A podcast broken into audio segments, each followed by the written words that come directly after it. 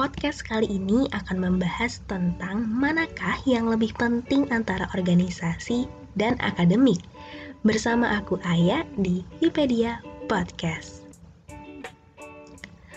Manusia adalah makhluk sosial, di mana manusia tidak bisa hidup sendirian dan membutuhkan kehadiran orang lain untuk dirinya.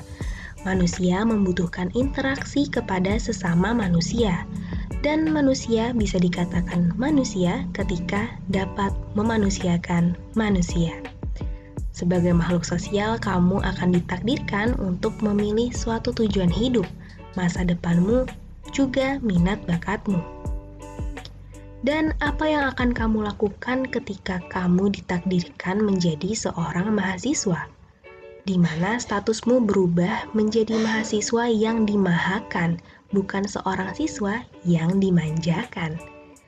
Ketika kamu menjadi seorang mahasiswa, tak hanya orang tuamu, keluarga terdekatmu, atau bahkan sahabatmu, tetapi seluruh negeri berharap padamu dan menganggapmu sebagai perantara dan harapan masyarakat untuk memajukan negeri.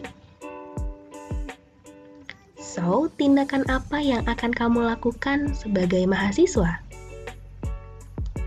Nah, menjadi maba, kamu pastinya akan dihadapkan dengan adaptasi sosial yang sangat berbeda dengan masamu saat SMA. Dulu banyakkan hahaha, sekarang dihadapi dengan perasaan bimbang dalam memilih, dalam mengambil keputusan.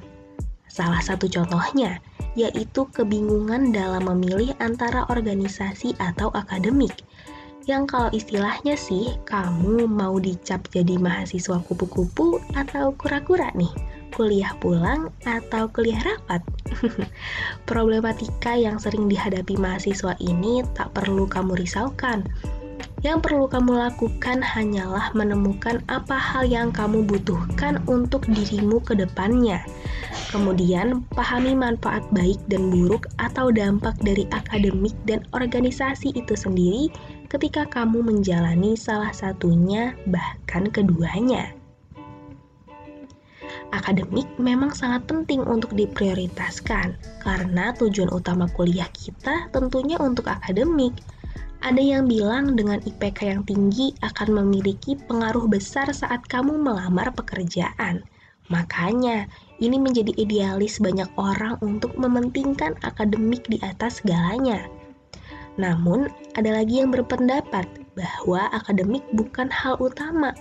IPK tinggi bukan jaminan untuk sukses kerja melainkan bakat dan skill lah yang diperlukan untuk sukses pasca kuliah berkat kegiatan organisasi yang pernah kita ikuti.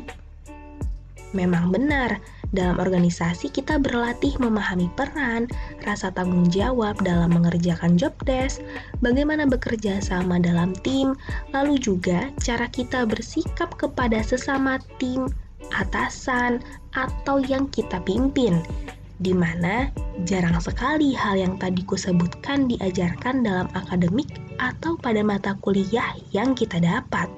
Fokusnya pasti tidak ke situ. Organisasi memang tidak berhubungan dengan nilaimu di kelas. Kalau mau nilai bagus, ya belajar. Kalau mau mengasah soft skill, ya ikut organisasi karena mentalmu dalam berpendapat, berdiskusi, dan bagaimana cara mengolah dan bertutur kata yang baik dapat dilatih dengan berorganisasi. Lalu, apakah dengan begitu IPK tidak diperlukan? IPK tinggi merupakan syarat mutlak bagi seorang mahasiswa karena hal tersebut yang bisa mengatakan bahwa kamu berhasil menguasai bidangmu dari jurusan yang kamu ikuti tentunya namun, apakah IPK tinggi dapat menjamin kesuksesan dalam dunia kerja? Bukankah kita butuh pengalaman juga? Yap, betul sekali. Tapi jika kamu bisa mengimbangi keduanya, kenapa tidak? Antara organisasi dan akademik. Anggaplah dengan kamu mengejar IPK tinggi, belajar sungguh-sungguh, fokus dalam kegiatan perkuliahan, nilai minimal B, itu menjadi cara kamu bersyukur atas usaha orang tuamu untuk menguliahkanmu. Aku yakin orang tua mana sih yang gak bangga lihat anaknya berprestasi? Dan anggaplah organisasi sebagai penyeimbang kamu untuk menambah pengalaman dan juga mengembangkan minat bakat serta soft skillmu agar kamu menjadi manusia yang berkualitas.